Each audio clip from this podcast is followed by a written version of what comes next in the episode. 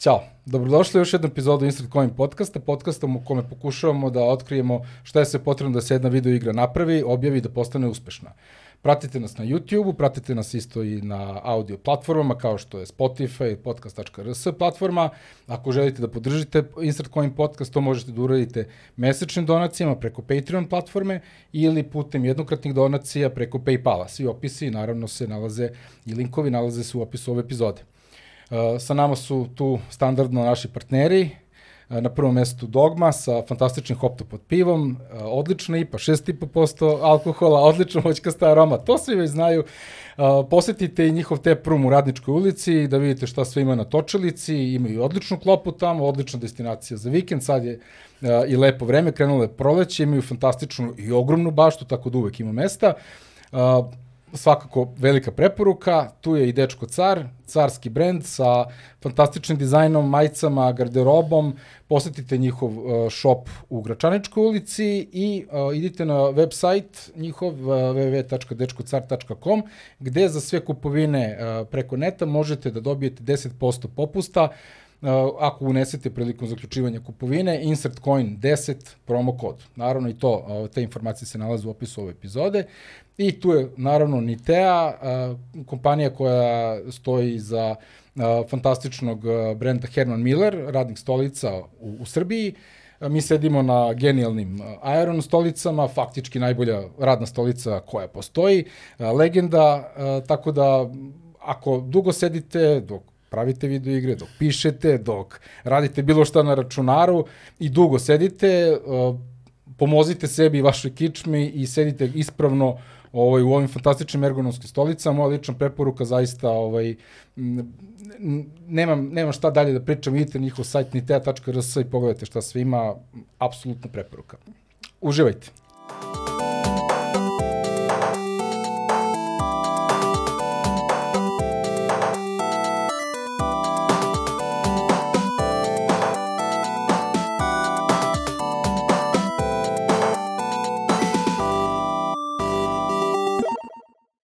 Sa nama je danas uh, Vanja Mihajlović, uh, devojka koja dolazi iz Tu Desperados Game studija. Uh, devojka koja, za razliku od prethodnih gostiju, nalazi se na malo drugačijoj poziciji u okviru jedne gaming kompanije, a to je HR. I danas ćemo da čujemo iz prve ruke šta podrazumeva posao jednog HR u gaming kompaniji i na koji način mogu, mogu da se ljudi profilišu i šta se traži kada neko razmišlja o možda prelasku u game dev industriju.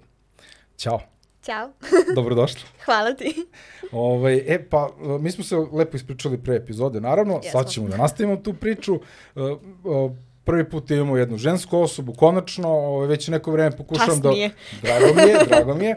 Uh, već neko vreme pokušavam da, da sa raznim devojkama, ženama iz industrije ovaj, dođem u kontakt. Uspeo sam tako da biće, ovaj, biće to kontenta jer mi je jako interesantno da uh, razbijem mit uh mhm. -huh. o game dev industriji kao dečačkoj industriji, uh mhm. -huh. tamo gde su ono bros i te stvari, a u stvari uh, mi možemo opušteno kažemo da je današnje vreme odnos muškaraca i žena u gaming industriji faktički 50-50. Pa da. Tako da, da ovaj, Uh, kako si ti ušla uopšte? Uh, mislim, ja možemo da krenemo tu, tu formativnu priču. Možemo. Uh, otkud ti u game devu i to baš na poziciji jednog HR-a? Da, pa ovaj, zanimljiva je onako priča, pošto ja, meni je to bilo isto neplanirana stvar koja se desila, a jako mi je drago da se desila. Ovaj, u suštini i na prethodnom poslu sam došla nekako slučajno, desilo se tako što ne znam, završavala sam ispite i otvorila se prilika kao, e, hoćeš da radiš u HR-u u agenciji? Ja kao, uh, okej. Okay. Kao nisam ni završila fakultet, ali idem na intervju što da ne, da vidim šta će da se desi. I kao tako sam uletala na prvi posao gde sam radila u agenciji koja je isto bila vezana za IT, tako da sam se tu malo dotakla tog IT sveta, ali gaminga definitivno ne. I onda je to tako funkcionisalo neko vreme i onda je došla korona, firma se raspala, ja sam dobila otkaz kao u jednom danu i bilo je kao šta sada? I onda se ispostavila da je to bila super stvar, zato što šta sada je zapravo bilo ulazak u gaming za koji, kažem, nikad ne bih rekla da su me pitali ljudi kao pre dve godine, e, gde ćeš da radiš kao kad završiš faks kao u gamingu, 100%, Da, da, to, to- to, da. to ne bih sigurno rekla. Ovaj, I sećam se ono kada me je kontaktirala devojka sa kojom sam uh, komunicirala za poziciju i kada mi je opisala o čemu se radi u kompaniji, kao nisam bila sigurna jesam dobro čula, jer kao znala sam u trenutku kao imamo Nordeus, ja igram te neke igrice na telefonu, svašta sam ja tu igrala, ali mi nije ono bilo na kraj pameti da neko u Srbiji to pravi i kao da još pravi igrice koje ja igram. I ja sam ono već na sledećem intervju rekao, "Jel možeš molim te samo da mi ponoviš kao šta si rekla, čime se bavite, sam ja dobro razumela i ono kao gaming, kao to su te igre, ja ono ušla, skinula igre, zarazila se igrama, igre su nalik Zoom i ja kao igrala sam Zoomu, nisam ni znala da postoji ovako nešto i kao čoveče, ja sam ono e, ciljna grupa ove kompanije, a da to nisu ni znali. I kao bukvalno je bilo, jel mogu ja sutra krenuti da radim, ono kao, bukvalno ono, sedim i čekam, hajde pozovite me, kao na ostalim, e, bila sam u još par procesa u isto vreme i kao, nadam se da me ove neće zvati, kao, drugi, da, da. kao, nadam se će me tu Desperados prvi zvati, ono. Tako da je ušlo, tako da kažem slučajno, da sam ja ono iz društvenog smera uletela u gaming, da nisam ni ono znala da je to moguće i to u domaći studio i to ono igre koje sama igram, nisam sad uletela, mislim Nordeus je cool kom- kompanija, ali ja ne igram Top 11 kao. Tako da je bilo skroz strava što zapravo mogu da učestvujem u tome kako se pravi igra koju ću ja posle da igram, u kojoj ću ja da budem korisnik i da zapravo saznam zašto ne mogu da pređem ovaj 30. nivo iako sam ga odigrala tri put, ono, 30 puta i kao da, da vidim šta je to iza toga i ko, ko sve stoji i kao tek onda kada uđeš vidiš koliko je to različitih ljudi i koliko je ne znam, IT i gaming se dosta povezuju nekako, ali tek kad uđeš u gaming shvatiš koliko je nekako razlika između toga i koliko nema je... arta, u I- IT-u Nema uglavnom arta. nema toliko arta. Tako je, Jedini i art je ono- možda neki UI UX. Upravo je to. i ono kao kad sam ušla, kao ok, imaš development, ja još ono kao dobro, ja dolazim iz IT-a, imam tu neko iskustvo, nisam ja sad imala ne znam koliko iskustva, ali nisam ušla ono bez ičega u to. Rekao, dobro, ja znam developere, znam ja te programe, znam koji koliko otprilike postoji, da se ne zeznem ono da nekome kaže me, treba nam, lupam nešto što postoji tri godine, ali treba nam pet godina iskustva i tako te stvari, ako ono, confidently koliko sam mogla. I onda kao letiš i shvatiš kao ti imaš jedan development team i pored toga imaš ono marketing, imaš uh, HR, imaš uh, art, imaš game design, imaš gomilu ljudi koji uopšte nisu programeri, administraciju i sve te stvari i kao sve to su ljudi koje ti treba da dovedeš ili koje, ono, sa kojima treba da komuniciraš da bi ta igra zapravo postojala. I to je bilo ono kao prvi kao wow. Drugi wow je bio kao kad sam prešla iz agencije u in-house proizvod, kao sve radite vi, sve, sve odluke su na vama i kao znaš tačno šta je ono što je potrebno, znaš ono koga treba da dovedeš da bi ta igra bila bolja i da ti zapravo imaš taj neki impakt na proizvod. I to je bilo kao, cool. Da, da, da, ne postoji neki ono board direktora koji sedi tamo negde u nekoj drugoj Tako zemlji je, i, da, i, i ono određuje ti šta politiku, ćeš da, da, da. radiš i ono kao ni nemaš pojma šta se očekuje, nego bukvalno ono sediš sa tim ljudima, ono dovedem čoveka i da gledam šta radi, kao impresion, kao ja sam došla, ono ljudi crtaju, kao bukvalno sediš sa ljudima koji crtaju i dobijaju pare zato što crtaju i onda imaju taj svoj art u igri kao sutradan, kao super. Da, ostvaranje Kao, slova, ja sam da, sada deo toga. E, pa to što kažeš ostvarenje snova, ja kao stalno govorim kandidatima, već, već mi je postalo malo cringe, ali kao san za koji nisam znala da imam. Jer kao tek kad sam ušla u ovo, bilo je kao šta sam ja radila do sada u stvari. Ali, kao što rekoh, nikad ne bih rekla pre dve godine kao, e, definitivno game dev. Tu, tu, tu ću ja da budem u gamingu, mislim, ne znam zašto me pitate ovako pitanje. Kao to se podrazumeva, andragogija, gaming, odmah to, To je jedno s drugim. kao da. ne, ne možeš nigde drugde da radiš. tako da da, ovaj, tako sam nekako uletala i... Ali dobro, imala si sreću zaista veliku da, Da. faktički drugo tvoje zaposlenje vrlo brzo, Da. ovaj, posle, kažem, završenog fakulteta, ti dođeš u san Da. svoj. Bukvalno, Da, da, bukvalno. svaka čast. Zato kažem ono, ovaj, e, bio mi je šok kad sam izgubila prvi posao, jer kao, em nije bilo vezano konkretno za mene, nema em je bilo neočekivano. da, da. I onda kao šta ćeš sada, kao gde ću sada, bilo mi je okej tamo, tamo sam krenula da ulazim, mislim ja sam tamo bila ne znam, 6-7 meseci, nije to bilo sada, ne znam koliko sam bila, pa to, nego tek sam uletela u nešto. I onda kao, e, gotovo je. I kao, super, sad se snađi. Sad. Da, da, da. A ono, još uvek sam i bila ono na početku karijere, pa nije ni baš da mogu da odem i bilo gde da šibnem svoj CV i kao pozvaće me odmah, nego Da, kao šta ćeš CV-a sada. iskustvo, da, to je, da, da. da, ovaj, tako da, ono, bilo je neočekivana stvar, a ispalo je super.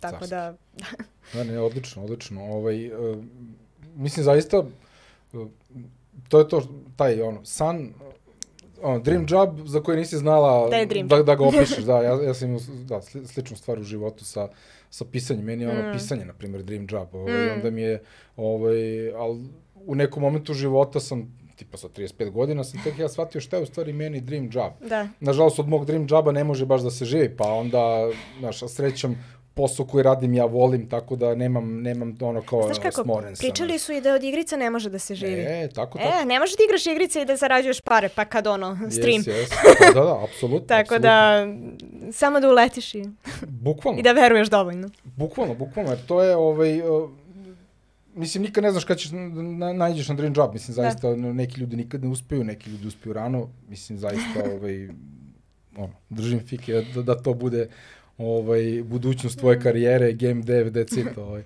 A, a kaži mi, opet, pričali smo ovaj, malo pre, a, ti si faktički igra, ja sam postavio pitanje, jel si igrala neke igre, nisam znao šta da očekujem kao odgovor, međutim, dobio sam jedan vrlo interesantan Da. odgovor. Izvolite. Da, pa evo, dotakla sam se već dijelom da sam igrala igre na mobilnom i pre nego što sam uletela u ovo i da je to bilo kao wow, jer mm, ono, mm, pored toga što je samo što sam ušla u gaming, nisam ušla samo u bilo koji gaming, nego sam ušla u nešto što je meni zabavno, što ja želim da igram na kraju. I to je kao postala sam deo nečega što na kraju ću i ja koristiti, što je ono najbolji osjećaj ikada.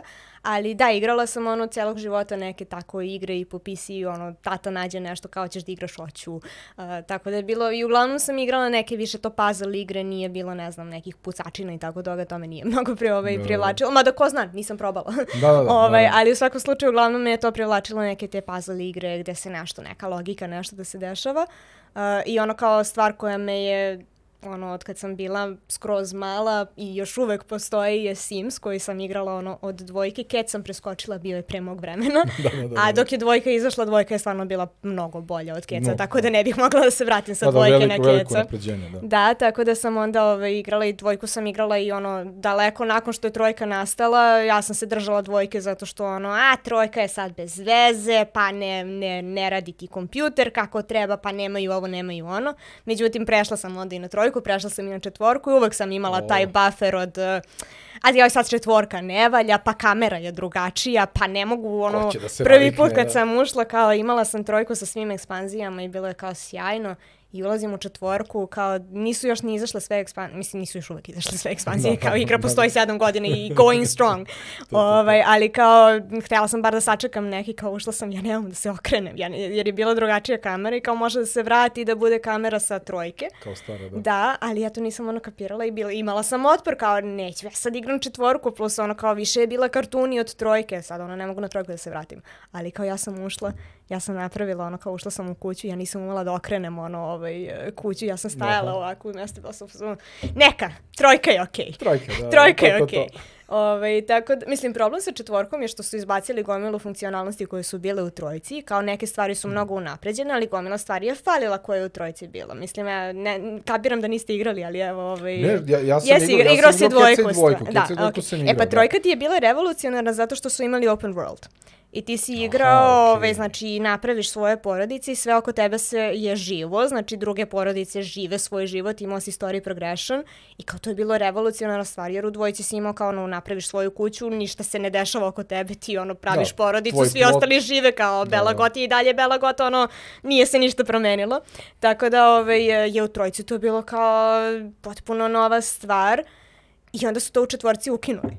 Znači samo nije, e, ostavili su kao neighborhoods, da ti to bude polu playable, kao polu otvoren world, ali kao ako hoću da odem kod komšije, dođe do kuće i onda mi uključi loading screen.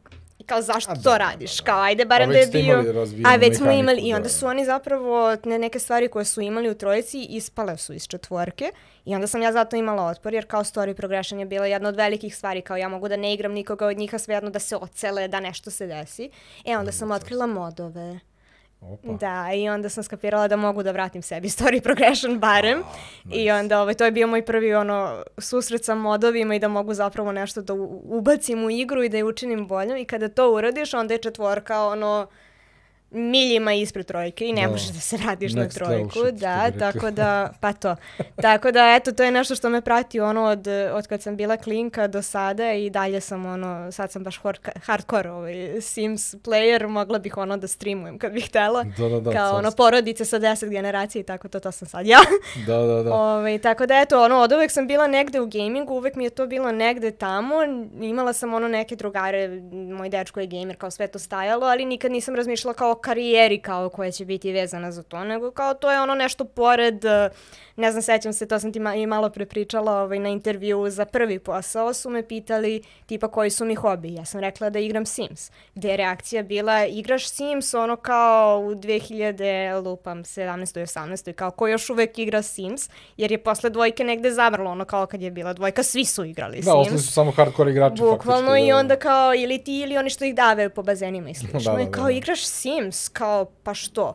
I onda mi je to bilo zanimljivo i ovo što si pomenuo za pisanje, ja sam isto ono kad sam bila mlađa, dosta me je interesovao taj storytelling, imala sam momente i kad sam crtala neke stripove, mislim ništa to nije bilo profil, ili bilo šta, kao više je bilo zato što mi je zabavno i zato Imaš što sam... tu, da. Tako, imala sam neke priče u glavi, žela sam da ne budu samo u glavi. I onda kao Sims mi je dao priliku da radim tu istu stvar, da pričam neku priču, a da takođe imam ono već neke predefinisane stvari, kao ne moram ja da napravim ceo svet, svet već postoji, ja pravim ono jednog čoveka ili nekoga, neku porodicu i ja onda vodim tu porodicu kroz svet koji već postoji. Jer sećam se ono, ja sam bila onaj obsesivni lik koji, ne znam, hoće da napravim strip i onda uzmem da napravim mapu ako je već izmišljen grad, da znam gde je ono prodavnica, gde je kuća i koliko je to udaljeno da bi se znalo ono gde Tako ćeš da odeš. tako Tako, je, piše, i onda da. uđeš ono u polemiku i nikada ne završiš. Ono. dubiozu, Ni- Nikada da, da. nisam ni počela taj strip za koji sam crtala mapu. A ovde kao već imaš te neke elemente koji su uspostavljeni i kao ti samo pričaš svoju priču i imaš već neke stvari koje ti se dešavaju oko tebe i onda moraš i da reaguješ na to. Kao ne smišljaš ti svaki plot, nego neki plot ti upadne, ne znam. Ponude mi posao, ja sam u fazonu, pa dobro, ja sam sada, ne znam, ono, kuvarica, ponudili su mi da budem, ono, bloger, pa kao, ne ide mi baš, ali kao što da ne. I onda da kao, da. Ono, neću to raditi u stvarnom životu što ne bih ovde. Tako da mi je to onda i, i e, zadovoljilo da kažem taj neki motiv i tako sam nekako i njima po, ovaj, predstavila na tom prvom intervju i kao tri dana kasnije dolazim u kancelariju, e Vanja, igrali smo Sims svi. tako da, ovaj, e, ono, svi su se vratili, ono, kad se setiš te nostalgije, onda moraš da ga otvoriš ponovo, tako da, Da, da. eto, zarazno da, da. je. Da, da, dobro, dobro. Mislim, ok, ti, ti imaš uh, gamerski background, činjenica, i to onako ozbiljan. Ok, nije to sad neka količina igara, kažeš igrala sam sve žive igre, Da. ali ti si izabrala svoju nišu, ti igraš ono što voliš i... To je to. A realno ne To postoji to. ništa što je toliko slično Simsu i oni su zato imali Jeste, tu jeste. ono ono, imali su tu svoju publiku i nije postojalo ništa ni slično. Sada imaju neke stvari koje se razvijaju, inače koje će Da, potencijalno ne znam, biti. Pa, mm, trenutno se razvija nešto što se zove Paralives, što će da Mhm. bude na sličan fazon, samo što su uzeli sve ono što se ljudi žare, žale oko Simsa i uzeli su to da ubacuju. Zanimljiva stvar koju su radili, uh, njih je tipa troje, ono, mali je tim developer. Izvini samo, Aha. ono što... uh, ono čemu, što fali u Simsu, oni su krenuli da... da Da, ubacuju svoje e, igre. okej, da. okej, Mislim, to isti, to. isto je Life Simulator, znači isto će biti na te fore, ali kao, ne znam, mi smo se često žalili u Simsu što je Seasons ekspanzija, a Mhm. nije u base gameu, jer, na primjer, to je trebalo u dvojici da bude deo ba baze, a ne da bude ekspanzija i onda nisu nešto stigli, ne, imali su neki problem sa kišom, nije se dobro prikazivala i nisu ubacili original igre, nego su napravili ekspanziju koja se bukvalno zvala Seasons. I onda su u svakoj sledećoj igri namerno nisu ubacivali u base game, nego su to ubacivali da, bi Da, ti da, kupio da, ekspanziju, jer ti je to najbitnija ekspanzija kao da imaš godišnje doba. Pa da, da, da. E, i onda su, na primjer, u Paralive su bili u fazonu, ne, ne, ne, sve ćete to imati u base game-u. To je jedan primer. Ali da, zanimljiva je priča što su, znači, mali su, ima ih ne znam nekoliko i e, trenutno su u fazi developmenta, ali zapravo šeruju sve što rade. I onda su prikazivali kao svojoj grupi Patreona i ljudi koji ih prate kao kako ide progres. Pa, ne znam, napravili su e, kako, kako sad izgleda lik, pa šta su još dodali od funkcionalnosti. Kao sve to vidimo dok se razvija, nije... I to je negde, ja mislim, i Sims e, nateralo da se otvori, jer su oni ranije nisu nešto komunicirali sa igračima, igrači, tako da. je, nego su bili ono e, evo ekspanzije, e, evo ti toddleri ako nisu bili tu, e, evo ti bazen. Da, da, da. I nije bilo nigde komunikacije šta igrači žele, kada će da bude sledeća ekspanzija. Mislim, svi smo mi to otprilike znali na osnovu ranije, a sada smo došli do faze da na tromesečnom nivou, na kvartalnom nivou imamo roadmap, otprilike šta će da se desi u Simsu i da znamo tačno koje stvari da očekujemo i to, tako da mislim da su inspirisani delom ovim ljudima. Tako da, da. To je da. odlično. O, ali mislim da, oni su jako dobro iskoristili taj moment da oni Da. faktički dok prave igru, oni builduju svoj community Tako je, i tako je. prave I bazu oni igrača. se- Oni kad budu izdali igru već imaju gotov. Upravo to i već imaju ono, oni se bukvalno finansiraju od tih ljudi kojima daju ono bits and pieces od Da, onoga da, što da. će raditi, tako da je baš zanimljiva priča i ono raduje me, zanima me kako će izgledati kada... igrati? Pa verovatno hoće, mislim još uvek su ono, nisu ni blizu kraja, zato što mislim i Sims je ogromna igrica, ovo će isto biti ogromna Dobro, igra. mislim, Sims, da, ogroman studio stoji Simsa, EA. tako da to je, da. Mislim, Ove, šta tako da je ono ogromna je stvar i ne može da se iz, ono, napravi kao casual igra ili kao neka manja igra, ne može da se napravi godinama Pa bukvalno. da, ti, možeš da imaš gomilu mehanika da bi Da. ostvario taj, tu vrstu Upravo to. gameplaya, ali dobro. I plus ono što bukvalno ubacuju stvari koje Sims nikad nije mogao. Lupam, ono, možeš da menjaš veličinu svakog zida, da praviš dijagon, ne dijagonalno, nego da ih okreneš ovako, što ono kao da. u Simsu i dalje ne možeš da radiš.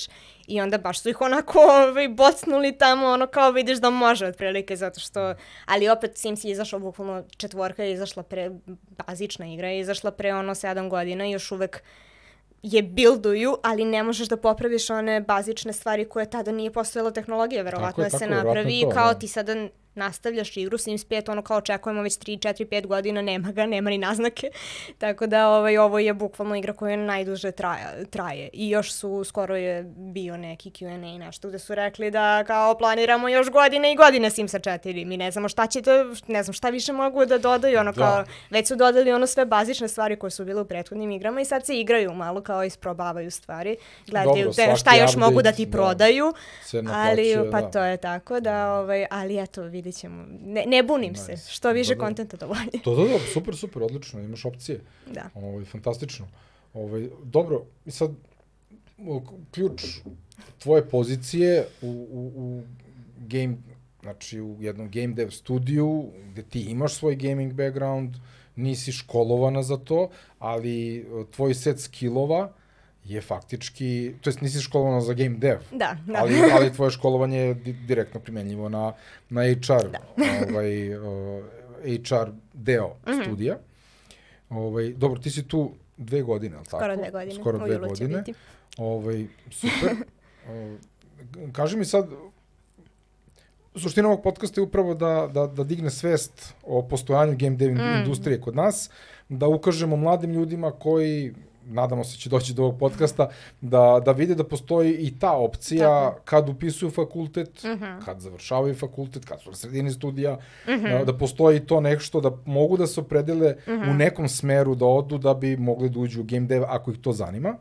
I isto tako i za neke seniore ili ljudi koji već imaju neko iskustvo, koji, se, koji rade u nekim industrijama, a imaju skill set koji je Mhm. podoban za, za, za game dev kao što je programiranje, dizajn, ilustracije, te, te sve stvari, da, ovaj, da možda razmotre prelazak, da se pomere negde horizontalno, vertikalno, Mhm. ali da pređu u drugu, drugu industriju.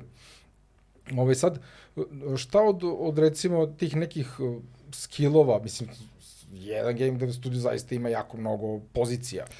Ovaj, šta je ono što se najviše traži? Mm Mhm. -hmm. Pretpostavljam da to programiranje, možda, ali možda grešim, ne znam. Pa jeste, mislim, ono, ne možeš da imaš igru bez programera, ne Da, možeš to. da, ali takođe ne možeš da imaš igru ni bez game dizajnera koji će da ti napravi ideju koji će da, koju će da da programeru. Tako da, uh, mislim, generalno, da kažem, tri ključne pozicije su to game dizajner, uh, programer i artist, jer to su elementi koji su ti potrebni da napraviš igru. E sada neko je ono, m- može da ima i sve skillove koje ti treba, na primjer pozicija tech artista kod nas, to je bukvalno osoba koja je jedina u firmi koja može da napravi igru od početka do kraja, jer ima i art deo, ima i, uh, zna i programiranje i m, ono, ako imaš ideju, strava. Da, ako ima afinitet da, za Tako neko je, pisanje, tako je. definisanje, da. Da. Tako da u suštini traže se ovaj, sve te stvari, da kažem developeri naj, naravno uvek treba Uvek, da, developera, naravno, ali da. takođe ovaj, da ne zaboravimo i taj leadership team. Jer ipak da bi se napravio neki proizvod, mi sada imamo već dva proizvoda ko- koje ono, su live i radimo na još dva, tako da je to već nekoliko proizvoda na kojima radimo simultano i potreban je tim za svaki od tih proizvoda, ali je takođe potreban neko ko će pomoći tom timu da ostvari ono što je zamišljeno, da ih, da kažem, ovaj, e, vodi u tom smeru u kome treba. Tako da, bukvalno i jedna i druga, da kažem, strana kocke su po strane čega god, medalje. Da, da, Ove, kocka, da, kocka ima malo Da, više. ima malo više, da. Ove, a, da, jedna i druga strana medalje su da kažem, podjednako potrebno. Ne možeš da radiš ni bez jednog, ni bez drugog. Tako da, e, onako, dosta stvari ulazi u, u ovaj, e, upravljanje jedne igre, to je ono što sam i po, na početku pomenula kao dolazim iz IT-a, znam da postoje developeri strava, ali ovde su developeri samo jedan deo te cele slagalice i potrebni su svi ovi ljudi da rade zajedno i da, da zapravo ono što oni prave će biti u igri sutra. Znači, bukvalno svaki, svaka odluka koju ti doneseš, svaki neka, neka promena, svaka ideja koju ti imaš, iz kog god da si ti ima, to će ući negde u igru. Znači, dešava se i da programer, ne znam, ima ideju koju će dati game, game designu ili će game design, ok, neće sprogramirati, ali kao daće ideju njima, tako da zaista E, mislim da je potreban ceo taj komplet ljudi da bi igra izgledala onako kako treba. Da ne pominjem e, druge timove koji su u supportu, marketing, customer support. Mi smo veoma orijentisani Da, to je na naše stvar, igrače da. I kao ako ti nemaš feedback igrača, ako ne gledaš to, kako ćeš da imaš uspešnu igru? Ako ti ne znaš šta je njima bitno, ako ne znaš šta se tu dešava, nemaš uspešnu igru. Znači, treba ti neko ko će komunicirati sa njima, ko će odgovarati na njihove potrebe i ko će nama davati taj feedback da mi to možemo da ubacimo u igru, jer zaista imamo tu priliku, nije kao u Simsu kao dobila sam feedback danas da mi treba ono nešto i treba mi ono godinu dana da to ubacimo u igru. Mi to možemo da uradimo dosta brže i da se dosta brže vidi taj impact. Ne znam, marketing, super što imaš odličnu igru ako niko ni ne zna za nju.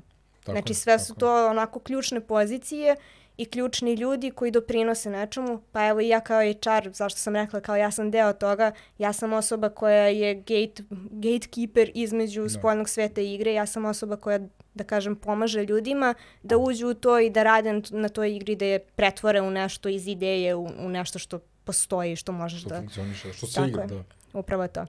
Tako da eto, ne znam, sad sam ti odgovorila na pitanje, sa pa sve je bitno. da pa, dobro je, odlično, odlično. Mislim, to, to, Ali to mislim je da je, suština, da. da, ali mislim da je i to zanimljivo, posebno za ljude koji možda nisu znali, jer eto, ja koja sam i sa društvenog smera ne bih razmišljala o gamingu, a u stvari realno HR ti treba u svakoj firmi koja je ili ono veća ili uspešnija, kao treba ti neko ko će da brine o svim tim ljudima koji brinu o proizvodu. Tako da čak i za ljude koji nisu, ne znam, u ono, prirodnim naukama, koji nisu u programiranju ili nečemu, kao to ne znači da ne možeš da budeš deo gaming industrije i da kao radiš na, na, na ovim stvarima. Tako je, tako je. Pa da, mislim, i to je baš jedna dobra paralela, može se povući između IT-a i game, game developmenta, jer uh, IT ima uh, jedna firma koja ima recimo svoj proizvod koji je neka aplikacija koja vrši neku ulogu, postoji tu mnogo rola tehničkih, sistem administracija, dev, ovaj, ovi, DevOps i razne stvari.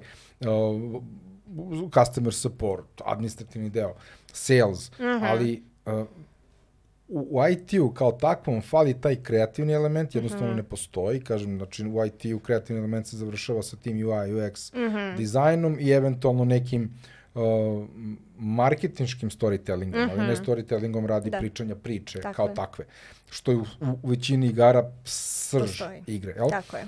Ovaj, tako da ovde imamo totalno jedan mnogo velik, mnogo širok skup rola koje mogu da budu ovde. I zato, zato je meni game dev e, interesantan, jer mnogo različitih ljudi može da radi na jednom Upravo istom to. proizvodu. Upravo to. I neophodan je taj team effort, jer bez toga Tako ne je. može se napraviti. I tu je ovo što si pomenuo, kreativa i ono što je najbitnije, jer ti ne možeš da praviš igru, znači ne možeš da praviš proizvod koji realno ljudima nije neophodan kao ne znam nešto ono bazična potreba ili šta god, nego im Da. praviš nešto što treba da im bude razbi briga, što treba da im bude zabavno, što treba da im ulepša dan. Posebno, recimo, dok je korona bila, mogu da garantujem da su ljudi mnogo više, da, da je bilo podnošljivije zato što si imao nešto što možeš da uključiš i da odigraš da se malo bolje osjećaš. Čak smo to Tako. dobijali kao feedback od nekih igrača i sigurno sam da je tako i za druge igre. Meni je Sims bio ono kao ne mogu da izađem iz ove kuće, ali mogu iz ove. Tako je, tako da ovaj, e, baš je ono, e, potrebna je ta kreativnost i potrebno je da ne samo budeš developer i da, da samo razmišljaš o kodu, nego da razmišljaš i o tome koji je efekat, šta će ovo da uradi, kako ja mogu nešto novo da uradim, nešto promenim da, i, i da se taj efekat vidi jako brzo i ti taj efekat vidi neko tamo kome ti onda ulepšaš dan. Zato što da, si uradio da. nešto ovde, zato što si iskucao neki kod, zato što si nešto nacrtao. Tako da je ono, gaming industrija je bukvalno umetnost. Više je umetnost nego jeste, tehnički jeste. deo. Znači, mnogo je sličnije filmu, filmu i da. tako tim stvarima, jer ti bukvalno to stvaraš priču i tu su neki ljudi iza te priče koji je oživljavaju i potrebno ti je to da imaš prostor gde možeš da budeš inovativan, gde možeš da lupaš gluposti koje će da dovedu do nečeg novog i do nečeg zanimljivog i ono, da, da to zapravo uđe u proizvod i da bude eto tu. Ja sam ovo juče smislio, evo ga. Tako je. Ne tako baš je. juče, ali kao ja sam ovo smislio, da, evo ga. Ovo je smišljeno, doš, došlo iz glave na papir ili ne na papir, nego na računar, pa opet da. negde na računar. Ali da. suština je tome što, ako napravim prodaj sad sa filmom, uh, mnogo više a, a, mislim i za film za produkciju filma, postprodukciju filma, mnogo ljudi uključeno u taj proces. Ovaj, ali uglavnom to neki taj support staff mm -hmm. koji koji pomaže da se film stvori. Da.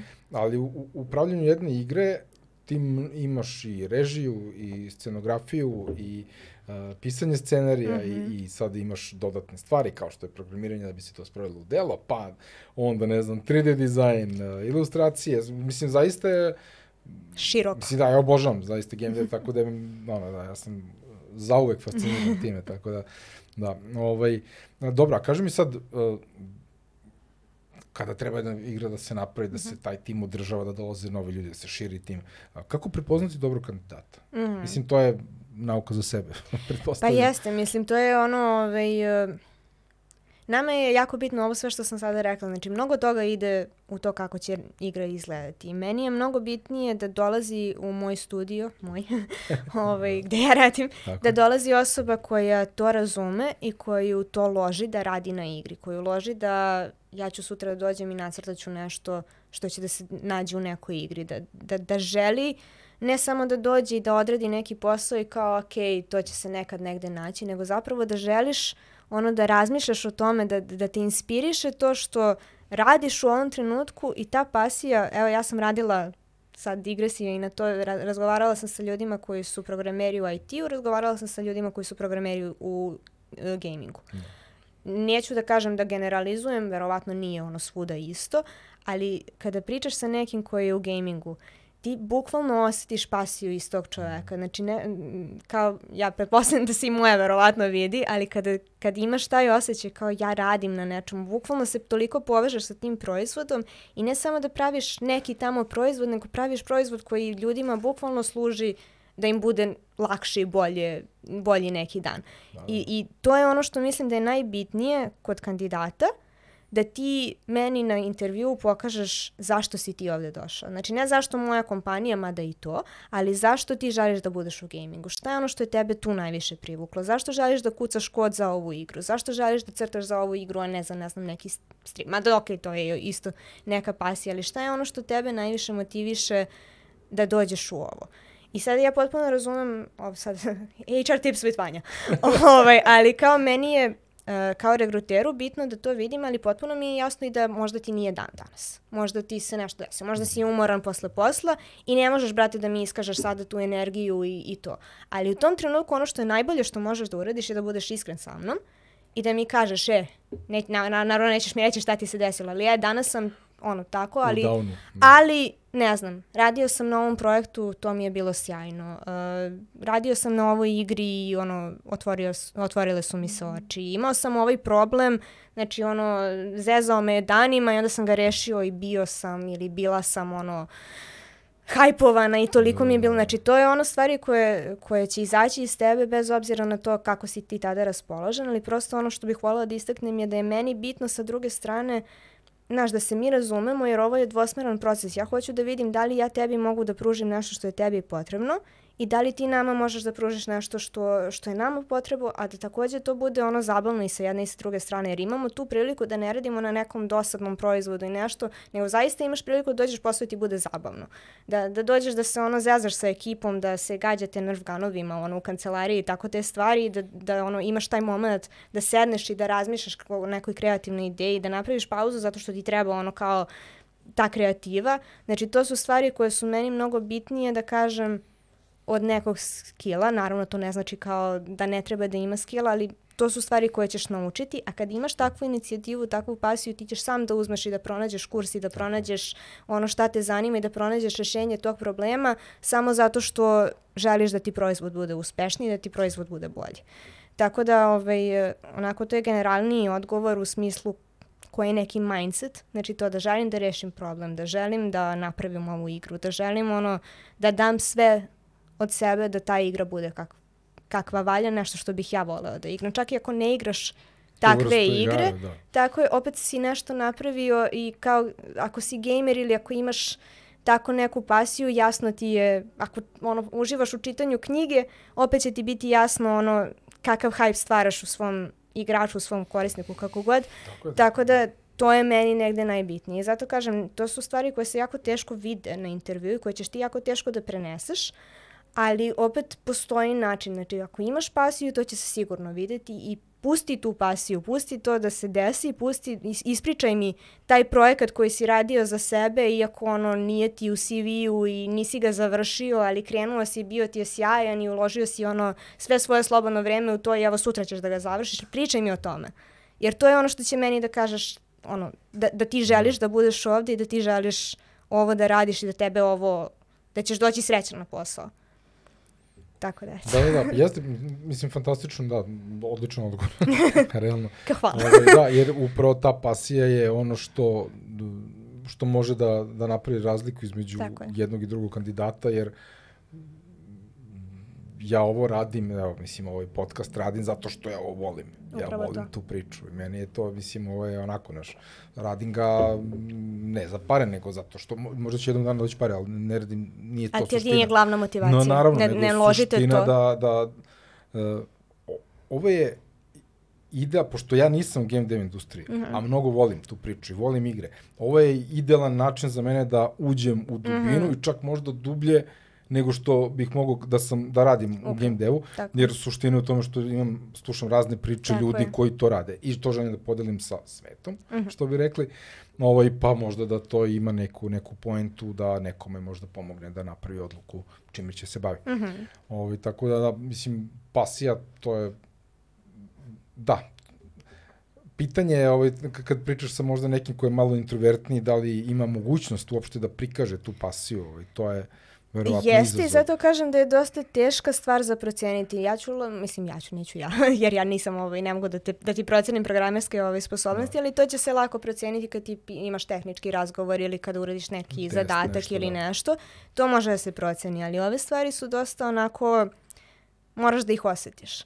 Ali zato kažem, budi iskren, ako Ako kroz razgovor vidimo da nismo ono fit, ako ti vidiš da ti mi nismo fit, to je isto okej okay da mi kažeš jer ono, razgovaramo, upoznajemo se. Ja ne želim da dovedem nekoga kome će sutra biti ono bez veze da bude tu. Tako da to jesu stvari koje se teško prepoznaju, to što kažeš neko je introvertniji, neko je ovakav, ali uh, evo dala sam primjer passion projekta. Ti ako si introvertniji, a radio si passion projekat i želiš to da podeliš sa mnom, želiš da mi kažeš, e ne znam, uh, radim trenutno tu i tu, uh, takođe me zanima, ne znam, veštačka inteligencija, Uh, uzeo sam da istražujem uh, ono, artikle o tome i to. I okej, okay, ako si introvertni, možda ti ne, nećeš direktno kre, od, ono, odgovarati, nećeš odmah to pomenuti ako te ja nisam direktno pitala. Da. To može da bude problem, ali eto, to je onda još jedan savez. Znači, sve što da, tebi... Ali izvini, samo kad krene da priča o tome, ne može da ne pokaže upravo to, znači, upravo to. Ako je tebe to stvarno uživaš u tome, to će se videti. Da. Jer način na koji ćeš ti meni pričati, kao što ja pričam o Simsu, kao što ja pričam o nečemu što mene jako zanima, tako će i tebi taj projekat biti. E sad, naravno, tu postoji i onaj deo, pa da li je moj projekat dovoljno dobar, da li ja ovo da podelim, možda nisam zadovoljan kako je to išlo, ne znam, možda je trajalo duže, pa sada to mene predstavlja u još gorem svetlu. Da. Ali opet, ovaj, to su one stvari ako te zanima, ako želiš time da se baviš, podeli te stvari. Znači sve što misliš da nije, ovo je posebno, ne znam, i za junior, ali i to što si pomenuo, ako neko želi da pređe iz industrije, iz neke druge industrije ovamo. Možda tebi zvuči kao taj projekat što sam ja radio je smešan, ono kao nisam ga ni objavio, kod mi je bez veze ili ne znam, crtao sam, ali drugačiji stil ili šta god. Ali kao, e, bolje je da podeliš to sa regruterom, neka oni čuju, ne samo ja, nego bilo ko, neka čuju šta si radio i neka bude njihova procena da li je to relevantno ili ne, jer je to bolje nego da ne podeliš nešto što bi meni možda ono zazvonilo u glavi i bila bih u fazonu, e pa brate, to je to, je, to je to, to je ono što nama treba. Tako da, uh, ok, nekome će možda trebati malo više vremena da se pripremi, ali uh, ako dolaziš na intervju sa kompanijom do koje ti je stalo i koja ti se sviđa šta radi ili svidalo ti se šta si čuo, Tako je. i ako vidiš sebe tu, očigledno postoji razlog, reci mi koji je taj razlog. Reci mi šta te je to inspirisalo kod nas, šta si ti video kod nas, šta, si, šta ti se dopalo kod nas, šta si radila, radio, e, što je bilo vezano za to ili, ili ne znam, ako imaš u samoj prijavi priliku, ne znam, neko pitanje da odgovoriš ili nešto da, da dodaš što će te, ne znam, svoj website ili tako nešto, uvek guraj te sve stvari jer ja uvek pričam ljudima to što ti nisi bio plaćen za to ne znači da to nije iskustvo. Znači sve što si radio, radila, u svoje slobodno vreme istraživala, radila projekat zato što je si bila na kursu pa su ti tražili da uradiš taj projekat i to je neko iskustvo. Znači nešto si radila van toga, negde si razvijao, razvijala svoje ove, sposobnosti i sve su to stvari koje treba da podeliš sa mnom.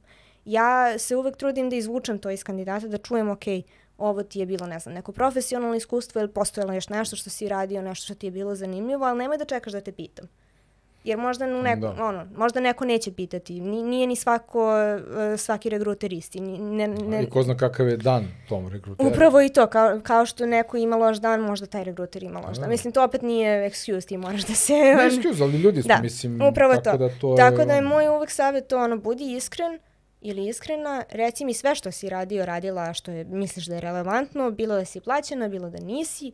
Čak i ako ti ne zvuči da je relevantno, iz nekih stvari mogu da se izvuku Da, ono, može da se vidi ta pasija faktički. Upravo to. Da, da. Tako da, ono, ili ne znam, kako si rešio neki problem koji, ne znam, imao si na faksu neki problem, kako si to rešio, mislim, ono, na nekom Mani predmetu napra, kao, ili tako. Napravio sam fantastičan Excel koji mi Bukvalno, računa, ne ono, znam šta, automatizovao sam nešto, upravo to. Znači ti si se da. istimao da uradiš nešto dodatno što je tebi olakšalo ono tvoj posao i ti onda može, ili nešto što si radio i ti onda imaš više vremena za neke druge stvari jer si ovo sam sebi automatizam.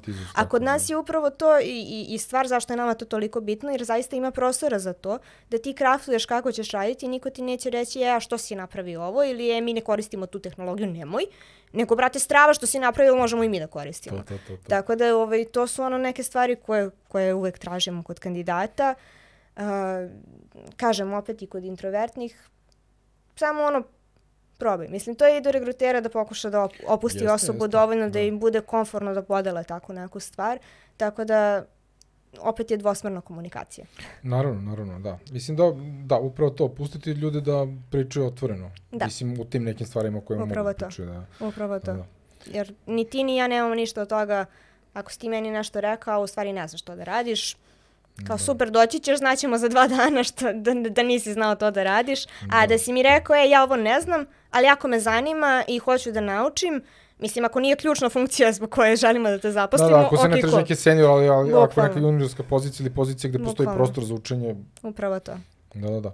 Ne, to je fantastično. Mislim, dobro, i, i kroz te razgovore ti tačno možeš da vidiš da li je to, da li je ta osoba došla uh, da li im je to samo još jedan intervju na koji su došli da bukvalno ispune kvotu intervjua koji su sebi negde zacrtali mm. ili ih je neko natrali ili šta god ili zaista su tu zbog toga što žele da radi u tu Desperados ili bilo koje druge kompanije da ja hoću samo da radim. Mm. Meni se sviđa. Mislim, ti isto tu možeš da, da vidiš i totalno je okej okay da osoba koja voli pucačina i pucačine, na primjer, i koja žele da radi nekoj AAA PC igri, uh, a, možda ni ta osoba, iako ima ogromno game dev iskustvo i nije fit Upravo za to. projekata, projekta Upravo na kojima to. radi A i plus neće mu biti zabavno ako, ako je to Aha. nešto na čemu ti, ne što nešto što, što želiš da igraš, nego nešto na čemu ti želiš da radiš, da ti da. budeš deo takve priče, onda znaš, na tebi je da razmisliš da li je tebi ovo odgovarajuća pozicija ili ne, da li ćeš se ti ovde ispuniti, da li ćeš ti osjećati taj neki kreativni izazov kad dođeš no. ovde ili želiš da radiš u Blizzardu. Mislim, nije isto da radiš u tu Desperadusu i da radiš u Blizzardu, tako ne možeš da se prijaviš za obe kompanije da budeš u fazonu pa. Da, pa ćemo da vidimo, da, da. da. Tako da, ono, mislim da je najbitnije da negde čovek bude svestan toga, mada to opet dolazi sa iskustvom. Ja sigurno nisam kad sam bila junior znala, e, ja baš ovo hoću. A, tako da, možda ljudi koji su ono još uvek juniori ni ne znaju dok ne uđu u to kako izgleda i plus sigurno sam da proces pravljanja igre u svakoj kompaniji bar malo drugačiji. Znači da. možda ti to ne odgovara, možda tebi baš to odgovara. Tako da ono ima različitih kompanija i baš je poenta u tome da se nađemo u tom meču da tebi odgovara, ne znam, ta dinamika, to okruženje gde se očekuje od tebe da imaš ideje, da budeš inovativan, da, da daješ neki svoj doprinos. Ako tebi to ne odgovara, ok, to je sasvim u redu, prosto Legit, nismo da. kompanija za tebe i tebi neće biti lepo ovde. I ja nekako vidim svoj zadatak upravo u tome. U stvari je najteži deo re, ovaj, toga da budeš regruter kada vidiš da je neko zaista pasioniran i želi da uđe u to i vidiš sve to, ali nema taj skill. Mislim, ja kažem bitniji je mindset od skilla, ali ne mogu ako nam treba senior zato što ono, pro, proizvodu je potreban senior, nemamo resurse da uvedemo juniora u posao, izgubit ćemo i mi vreme i, i taj da. resurs koji je mogao da radi bar deo će morati da obučava ovu osobu, a neću da dovedem juniora i da ga ostavim kao es, nađi se.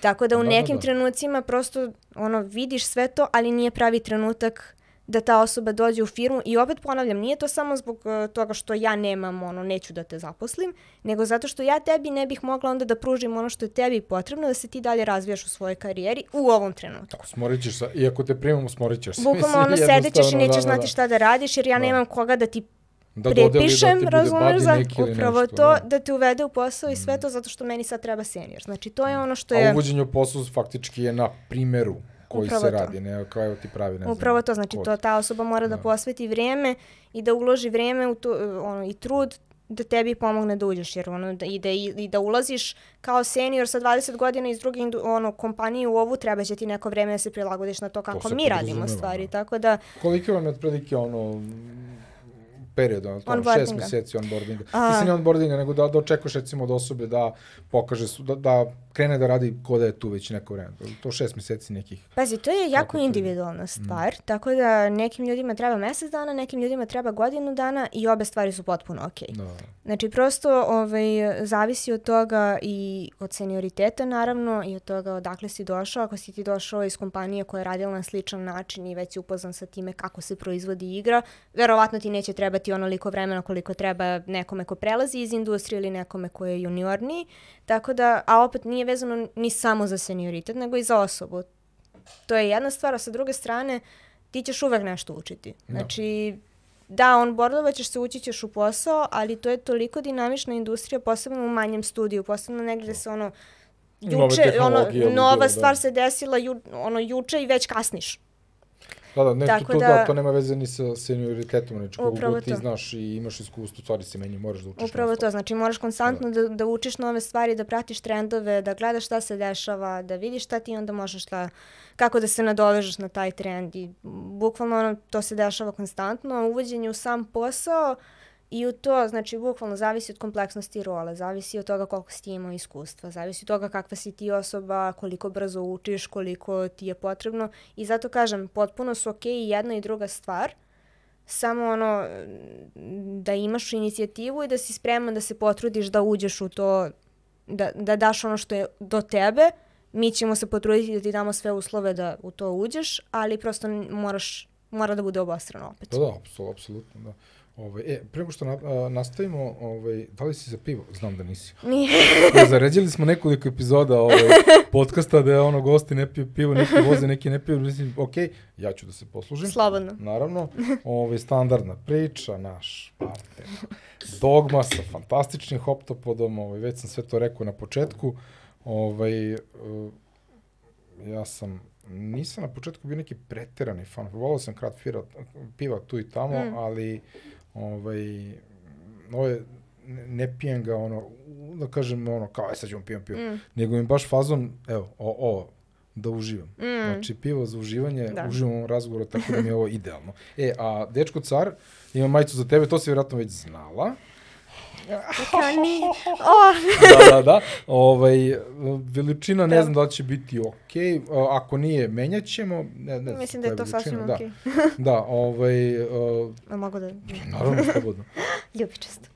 Crno sa ljubičastim, da. Ovaj, da, ljubičasta je moja omiljena boja, inače. Jel? Da, E, eto. by. Zato su i boje podcasta, ono, ljubičasto, roze, naranđasto. Pa rekla da, bi da je žuta. Ovaj, Pa dobro, pa evo, da, da, da, da, da, da, pa i tebi, ja. Ovaj, Pa tako nije je, mi rekao da se ovako vučem. Da, da, da, bukvalno. E, mislim da je čak i veličina super. Da, da, okej. hvala. Da, a, ako slučajno, ne znam, veliko malo menjat ćemo, nije, nije frka, tako da... Ovaj, Hvala sponsorima, Reče, evo, nisu sponzori, nego partneri. partnerima. Tako je, tako je. Ovaj, da, to su a, braća Burazeri, Nikola Neca, dizajn studiju koji stoji za Dečko cara, moj dugogodišnji prijatelj, faktički znamo se Bravo. ceo život. Tako da ovaj, ovo je jedan način da promovišem njihov brand, Mm, ovaj, jer zaista verujem u njega i Mhm. volim to što rade, mislim, to, to nema šta, ovaj, tako da, eto, eto, da hvala. podeli malo i sa svojim, sa svojim ovaj, gostima. Odlično. To, a kaži mi, fotelja? Fotelja je Da. odlična. Razmišljam Da. ono da u velikom sam iskušenju da To, to, da poneseš jednu kući. da pa, pa znaš ono jel možeš da gledaš tamo malo. malo ne, ali stvarno ovaj da. baš sam ono sedim Sediš relativno treba, ispravno, da, da, da, da. da, a, a nikome ne tera. Jeste, jeste. Viš ga, ja sedim ovako ispravan, Neka- ali meni faktički ode me drži, pošto sam Da. ja natego, pošto ima za ovaj lumbalni deo, koji svima nama sa viškom kilograma i dugo trajnim sedenjem uvek pati. Ovo, i onda sam ovo natego, drži me Da, da. pozadi i mogu sedim ko car. Da. Ovaj, ali dobro, ja znam da vi tu Desperados imate Herman Millera, neki imate seljeve Da, i imamo, tako imamo, dalje. ovaj, dobri su i tamo, ali, je- ali ova mi je onako neka... Dobro, ovo je malo onako executive, Da, što bi rekli, fancy. da. Ovo je zaista, mislim, posebno za nas velike ljude, ono, apsolutna preporuka, kao i uvek. Ovaj, dobro. E, I čaše mi se sviđaju. E, tako da. čaše su fantastične. Morao Pa sam, može žen- i voda morao da sam se- ženje da odnesem jedno, kaže, ju, što su lepo, mogu da uzme. Rekao, ok, pitaću, uzet ću. Dobro. ok, nema frke. Da. Ovaj, e, dobro, e, jedno pitanje, sad, e, sad kad pričamo o juniorima, Mhm. mada to je primenljivo realno i na seniore, i na mediore, i na, na bilo koga. Mhm. E, kada se prijavljuju za posao, Mhm. e, postoji određena doza m, neke psihološke, hm, da kažemo, barijere. Mhm. Uf, kako da se ja prijavim za, za game dev. Jer rekli smo da u game devu ima jako, jako široka lepeza pot, uh, uloga Mhm. ovih skillova ljudi koji mogu da uđu. Uh, I postoji ta neka magična, nepostojeća realno barijera Mhm. u, u psihologiji ljudi gde oni misle da je kao zaposliti se u, u studiju koji pravi video igre, da je moj posao da ja pravim video igre, pa to je ono unicorn, to nije Da, da. moguće, to, to kako, kako da ja pređem. A, a poenta onoga što hoću da kažem da ljudi treba da se prijave. Mhm. Makar ne znali ništa. Jer upravo ovo što se mi ti... Ne znali ništa. Nemali uh, skill set koji možda na, na nekom višem nivou, gde oni misle, a ja nisam dovoljno dobar ni to. Mhm. Ali oni ako pokažu pasiju i u datom momentu postoji prostor Mhm. da neko ko možda nema neki skill set može da radi kao neki, o, nije, kako se, nije pripravnik, nego kako se zove? intern. Intern, da. Ovaj, uh, ako postoji i, i takva opcija, jer neki studij nudi te, te varijante, uh, treba da se prijave. A ako se prijave i dođu i Mhm. pokažu tu pasiju koja je jako bitna, ali nemaju skill set, niti postoji pozicija za njih, njihov CV ostaje tu.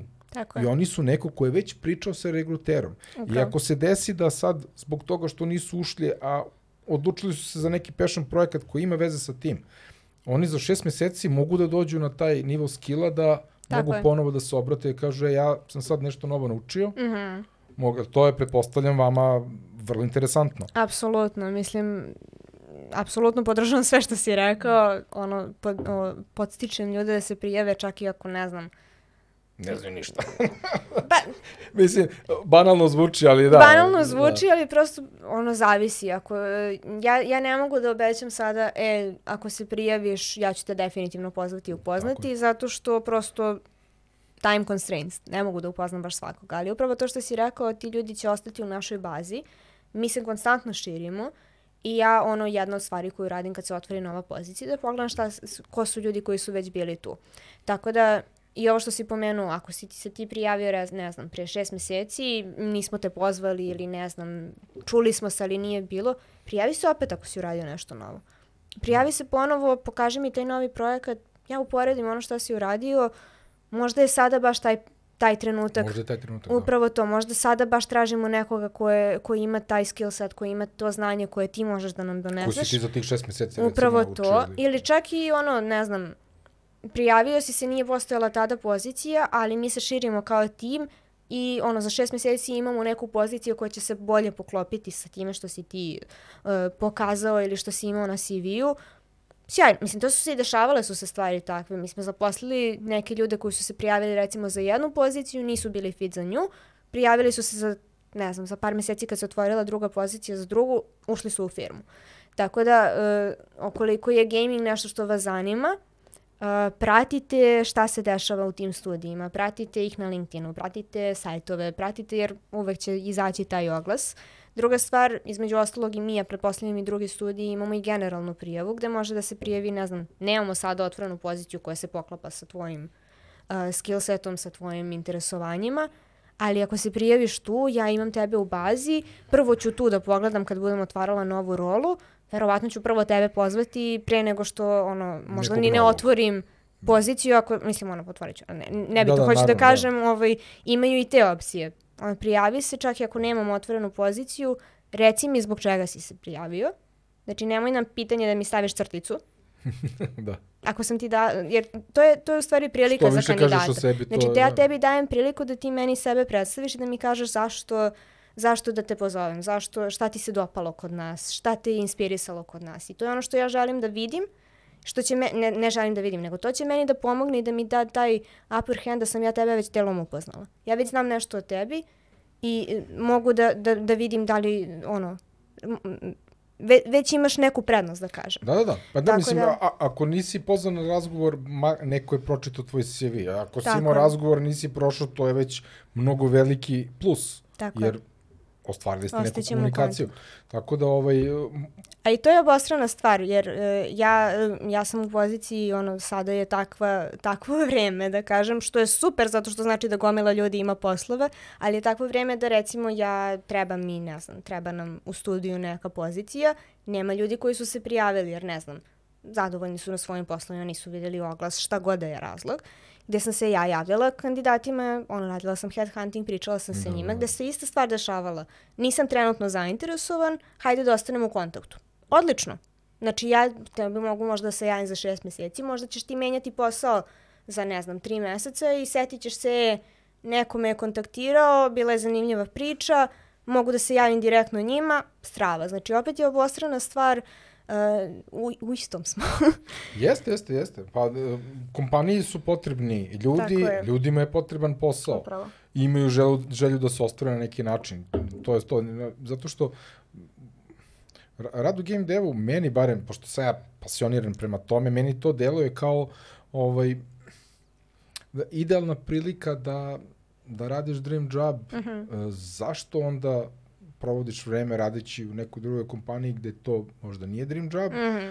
uh, I to je ta upravo ta magična barijera gde ljudi to zaista vide kao neko mitsko biće, kao ko, ko će da radi Da. u game devu, pa to tamo ulazi samo jako mali broj ljudi. Ne, nije tako. Mm -hmm. Zato što se u Srbiji, hvala Bogu, uh, Jeste. uh, studiji šire, rastu. Ja Imamo ne znam dobru po scenu. onaj izvešta od pre dve ili tri godine od SGA, mm. sećam se, bila je, uh, bio je spisak valjda 120 gaming studija u Srbiji, od one man benda do Mhm. Tako velikih studija koji zapošljavaju nekoliko stotina ljudi. I u tom momentu, sećam se kad izašao taj uh, izveštaj, u tom momentu, znači to je dve, dve ili tri godine Mhm. ima, da je bilo preko 350 nepopunjenih uh, uh, pozicija. Mhm. Danas verujem da je ta slika drastično Mm. veća.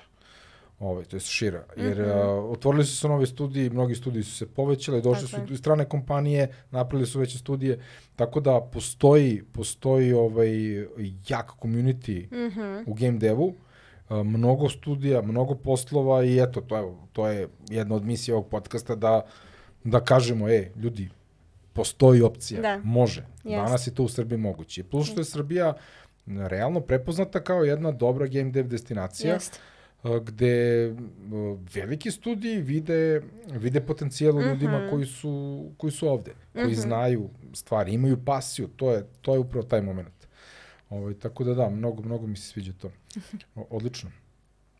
Cool. Uh, svašta smo pokrili od tema, ali jedna suštinska stvar Mhm. koja kod nas po mom mišljenju nedostaje, mada prove me wrong, možda ne, ne znam dovoljno, a, mislim da je naš sistem obrazovanja takav da ne pomaže mnogo mladima da steknu skill set Mm. posebno programerski neki ili, stvari ne znam ni ja, Mm. A, ne, ne postoji škola, da kažemo, neko formalno obrazovanje koje će da profiliše ljude da mogu da, da, da budu usmjereni na game Na dev. gamingu. mhm. Gde da postoji neki, da kažem, smer ili fakultet koji bukvalno ovaj, vodi računa da, da, da pokrije sve skill setove koji su potrebni za jedan Mhm. game dev uh, studio, da bi mogli onda ljudi da se tu pronađu, jer neko možda misli, ok, ja hoću da se bavim programiranjem, ali imam žicu za, žicu za crtanje. Mm. Pa se to programiranje ispostavi da to u stvari nije baš kako on zamišljao. I onda je faktički promašio. Super, tek stvar. artist. Tek, tek artist, da, bravo, bravo. E, i onda eto, kaže, ok, ti hoćeš da radiš i art i ovo, Mm. izvoli rola. Odlično. Kako, jel, kakva je situacija kod nas? Uh, pa evo, ajde prvo da te provujem wrong. E, ajmo, ajmo. Ove, mislim, nemamo baš konkretno, imamo u stvari, imam dve stvari da podelim. Odlično. Prva je na Matematičkom fakultetu u Beogradu mi imamo kurs koji je vezan za game dev koji drže ljudi iz našeg studija, tako da je to novina, tako da eto, to je prva Nice. stvar gde već šerujemo kao e, postoji game dev, tako da je to jedna stvar. Takođe na, uh, u Novom Sadu na nekom od fakulteta postoji uh, akreditovan program kao ceo smer za game design, što je sjajna stvar, zato što za game design nije postojalo ništa, kao ne, ne postoji obrazovanje koje ti daje to što si rekao, ne, ne, ne možeš da nešto završiš kao je sad sam spreman za game design. Tako da e, već se kreće negde u tom pravcu, nema još uvek puno tih stvari, ovo su dve koje sam sad navela, možda ima još neka koja je meni promakla, ali ovo su dve za koje znam da postoje, tako da se već negde razvija. E sada, što se tiče generalno obrazovanja, onako, teško je pitanje za odgovoriti zato što kao da li te fakultet priprema za bilo koje konkretno zanimanje. Oni ti daju neki tu ovaj, uh, Generalni set generalni znanja, set znanja, daju ti neki mindset, što je dobra stvar, razvijaju te neke stvari, više taj soft skill, način razmišljanja, uh, razvoj timskog rada na nekim fakultetima, razvoj tako nekih stvari, što je super plus kod bil, kod bilo kog fakulteta, ja sad ne znam, moj fakultet, moj smer je bio sjajan i reći ću ti zašto. Uh, ove, ali hoću da kažem, znači, formalno obrazovanje je super plus, ali takođe nije jedini način i često nije dovoljan. Da, da. Ove, u smislu da, uh, zašto sam rekla da je moj fakultet bio sjajan, uh, to jest moj smer na, na filozofskom, ja sam završila andragogiju. Uh, u trenutku kad sam je ja upisala, menjan je program, tako da smo mi dobili mnogo praktičnih pre predmeta. I ja sam uh, i u okviru fakulteta, da kažem, morala da idem na različite prakse. Išli smo, ne znam, uh, u dom za stare, išli smo u zatvor, radili smo svašta nešto, držali smo zapravo radionice, radili smo praktične stvari, nismo samo učili teoriju, tako da sam ja došla sa nekim skill setom već ono kao isprobanih stvari. E, to je jedna stvar, s druge strane ja sam e, tokom fakulteta e, volontirala, radila sam još ono, na, na par mesta, bila sam, ne znam, u Orki sam volontirala, to je za zaštitu životinja organizacija, bila sam u našem centru za razvoj karijere. I meni su te stvari dosta pomogle kasnije da ja kad sam došla na moj intervju, pošto bila sam i ja sa te strane, Tako Uh, ja sam sve to pričala kao iskustvo. Znači, to je ono što sam pomenula, ja nisam bila plaćena za te stvari, ali ja sam sticala iskustvo kroz Centar za razvoj karijere, sticala sam iskustvo kroz ove neke stvari. Uh, I u tom smislu je meni to onda bilo jako značajno kad sam ja ulazila na svoj prvi posao. Uh, a sa druge strane mi je i sam fakultet kroz te neke teorije dao taj način razmišljanja, kako da uđeš u neke stvari, da, da, da se, ne znam, povežeš sa ljudima, da, da učiš da razmišljaš bukvalno i to je definitivno prednost formalnog obrazovanja, ali formalno obrazovanje nije jedina stvar. Mm. Znači ti ako si recimo i na matematičkom ili negde programer, na primer, uh, meni je i dalje sjajna stvar da si ti pored toga uzeo i da radiš svoj neki projekat. jer kao prvo uspeo si da organizuješ sebi vreme da ideš na matematički, koji je ono poprilično težak fakultet, da daješ ispite, da sve to radiš i plus da uradiš neki svoj projekat, da se interesuješ za nešto što je možda van toga, jer Da, dobio krenuo si si da neko... učiš Unity, na primjer. Krenuo si da učiš Unity, uzeo si da. neki kurs, istražio si šta sve postoji i kao to će tebi da da ogromnu prednost kad ti dođeš na intervju, jer si već radio neke stvari, uleteo si u nešto. Možda si išao na hackathon, možda si išao na ne- neki game jam. Game jam je sjajna stvar ne samo za programere, nego i za game dizajnere. Znači, stavit ćete u tim sa ljudima, pravit ćete igru zajedno, imat ćete neki proizvod na kraju toga uh, i imat ćeš neko iskustvo, čak i to timskog rada, nešto ćeš isprobati. Neki freelancing, neke te stvari. I zato kažem, ne postoji kao jedan put koji možeš da ideš i sada je, ispunio sam sve korake i sad ja mogu da uđem u game industriju ili neku drugu industriju, sam ja sve ovo uradio. Ne, nego vidi šta te zanima dok studiraš. Da li tebe zanima, ne znam, možda studiraš neki potpuno levi faks, a zanima te Unity i ušao si, uradio si par kurseva, napravio si svoj projekat, uh, uleteo si u neku firmu, uradio si neku praksu i kao sjajno, neću ja tebe da odbijem zato što nisi imao matematički, ako si ti pokazao onu neku inicijativu i ti si uzeo da radiš još neke stvari. Zato kažem, tu ima dosta različitih načina da ti stekneš neko znanje, iskustvo, skillset koji mogu da budu formalno obrazovanje, ali apsolutno ne moraju. Tako da, uh, u tom smislu, uh, mislim da ima dosta prilika u Srbiji da ti pronađeš tako neku stvar. Ti nisi ograničen Srbijom, imaš kurseve gde god hoćeš, sedneš kući, Tako, odslušaš tako. predavanje, uradiš svoj projekat, pratio si nekoga i kao eto imaš završen projekat koji možeš da staviš u CV, možeš da ga staviš na GitHub, možeš da ga staviš gde hoćeš. Ne znam, zanima te crtanje, ima i tih kurseva, uzmeš, počneš da se igraš, ja sam se igrala pa sam ono, precrtavala pa sam onda pravila svoje, pa to znači, bukvalno ono što god da te zanima, ne znaš kako će ti trebati u nekom trenutku, da li je to ono što će te baš privući i slično. Tako da, sjajno. Jedna od bitnih stvari, Mhm. za, za to, sad baš što si, što si rekao, hoću se nadovežem na to, da mladi ljudi, Mhm. iako nemaju posao, Uh-huh. ali imaju nešto što su radili, studiraju nešto, i, imaju nešto što treba, žele da podele sa svetom, odlično da naprave LinkedIn i da kače. Jeste. Imao sam ovaj, jedan od gostiju, Pavle Mhm. uh Skoković, on je čovek, sve što je radio, Mhm. on je kačio na LinkedIn. Odlično. Bukvalno, šta god uradi, Odlično. nebitno. I ljudi su ga našli zahvaljujući tome. Ili kad je sa nekim pričao, kaže, evo, izvolite, idite na moj LinkedIn profil, tamo imate sve što sam ja radio. To je, znači GitHub, eh, LinkedIn na svoj CV, okači mi link na svoj CV, e, radio sam neku igru. Super. Daj mi da, Da, da, da. Ili to GitHub je strava stvar zato što možeš da ostaviš samo kod, na primjera, za programere. Mm. Ako i nisi završio, mislim da može da se uđe u projekat i da ti vidiš kao šta je ta osoba radila, čak i Da. ako nije, na primjer, gotovo ili nešto tako. Tako da ima dosta drugih načina da, da prosto uđeš u te stvari, posebno sa gamingom, jer to što si pomenuo, da, imaju ovo sad ovaj neki kurs, ima ovo, ali opet Uh, meni je tako bilo slično sa andragogijom. Niko nije znao šta je andragogija. Ja nisam znala šta je andragogija kad sam je upisivala. Ja sam htjela na psihologiju, ovde sam upala zato što A nisam... šta je andragogija? Ja nisam sigurno da znam. e, Evo. Znam prilike, ali Andragogija Značiš je u suštini... Da, pa trebalo bi. da, da. Ove, andragogija je u suštini nauka o obrazovanju odraslih. Tako da sve što se tiče obrazovanja odraslih, formalnog, neformalnog, informalnog, znači kursevi, predavanja, e, sve što je vezano za to, je andragogija. Znači na koji način odrasli ljudi uče, šta njima više odgovara, e, koje su to tehnike, e, presentation skills, gomila tih stvari ulazi u andragogiju i sad zašto pominjem psihologiju, velika je povezanost upravo zbog toga kako radi ljudski mozak, kako radi Da. ovo, tako da ima dosta veze sa time kako čovek uči, šta mu više odgovara, kakva mu prezentacija, da li si vizualni tip, da li si ovakav tip ili što god.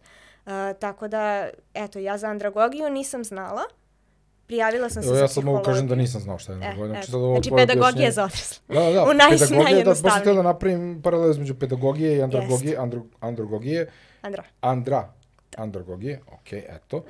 ovaj, uh, upravo to, uh, mladi, odrasli.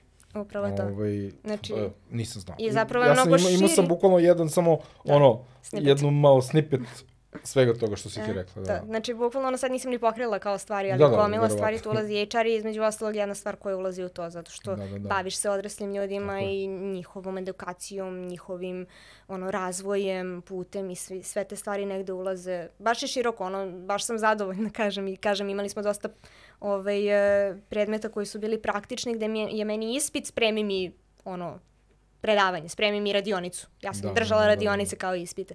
Tako da je to bilo sjajno, ali kažem, znači ja u tom trenutku nisam imala pojma šta je andragogija i svi koji smo došli na taj predmet, znači od nas 30, mala je grupa, svi smo došli zato što nismo upali na psihologiju, a hteli smo. Aha, aha. I onda smo svih 30, skoro, smo zaključili da je nama andragogija mnogo više leži, a da nisam ni znala šta je to. I kao ne bih nikada upisala to zato što je Da, Super. Andragojo, to je to. Isto to je tako hoću, negde da. i sa gamingom, zato, mislim, ovaj, zato što kao ljudi ne znaju ono, šta sve to podrazumeva, E, to, šta to, sve to, mogu. to. Tek artist je bukvalno unicorn, znači ljudi ne znaju ono kao je mene zanima programiranje i art, to su poprilično odvojene stvari, Da. a opet u gamingu ti ne možeš nigde da imaš samo logiku bez kreativnosti. Svuda ti treba ta Tako kombinacija, tako posebno na primjer u te kartu. Tako da, ovaj, ono, baš ima prostora da se te stvari negde s polja skupe, ima stvarno puno, ima i knjiga, ima i ono tih radionica, game jamovi koje sam pomenula, stvarno imaš ono gdje da odeš, samo je pitanje toga koliko si ti uopšte čuo da tako nešto postoji. E, i tu dolazimo I kako do, da, do, formalnog obrazovanja. To, Da. Zato sam i postavio to Da. pitanje. Zato što, ja kad kažem formalno obrazovanje, uh, i zato mi imamo fakultete koje recimo traju četiri godine, gde Da. prve dve godine je neka opšta slika, a onda ti imaš smerove posle koje biraš za specijalizaciju. I upravo zato kažem da ne postoji formalno obrazovanje u smislu da dođi, dve godine pričamo o nekim opštim stvarima, osnove programiranja, osnove arta, možeš da biraš predmete i tako Mhm. dalje, ali onda kad dođeš do treće godine, da ti bukvalno imaš pred sobom čitavu lepezu stvari, Mhm. hoćeš se baviš narativom, narativ dizajneri, level dizajneri, game dizajneri, 3D artisti, Jeste. šta god, da ti imaš onda smerove, da ti faktički bude ono, kuriran uh, Da. spektar uh, skillova koji mogu da se primene u game devu. Jer ti Mhm. ovako ne znaš, mladi ljudi to. ne znaju. Upravo Ali ti ako kažeš, lupam, imaš fakultet za razvoj igara, Mhm. jer ja, ja zaista mislim da to je po, potpuno validan Mm. fakultet koji treba bude deo univerziteta. Mhm. Fakultet za razvoj igara, gde ti imaš, ti si bukvalno na izvoru i imaš kompletnu sliku šta sve može da se radi u game devu i to je prilično raznorodno Mhm. ovaj, polje, što prirodne, što društvene nauke, gde ti onda Jeste.